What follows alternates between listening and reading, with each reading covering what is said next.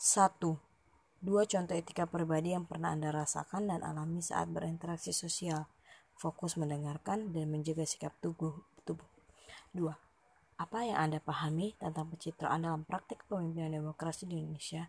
Pencitraan atau image dapat dikategorikan sebagai strategi position suatu partai politik di antara partai-partai lainnya. Image memiliki kekuatan untuk memotivasi aktor atau individual untuk melakukan suatu hal. Image dapat memengaruhi opini publik sekaligus menyebarkan makna-makna tertentu.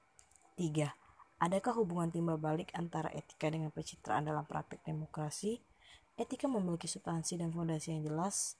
Mengatur etika mengarah terhadap kesadaran individu dengan hati nurani. Jadi ada hubungannya karena memiliki kekuatan-kekuatan masing-masing untuk melakukan suatu hal. 4. Mengapa fenomena tuduhan pencitraan kerap menempel pada seorang pemimpin? Karena bahan kajian serta akan memengaruhi keputusan para pemilih untuk menentukan pilih calon pemimpin yang tepat. Para pemimpin berupaya semaksimal mungkin tampil meyakinkan sebagai sosok pemimpin yang baik.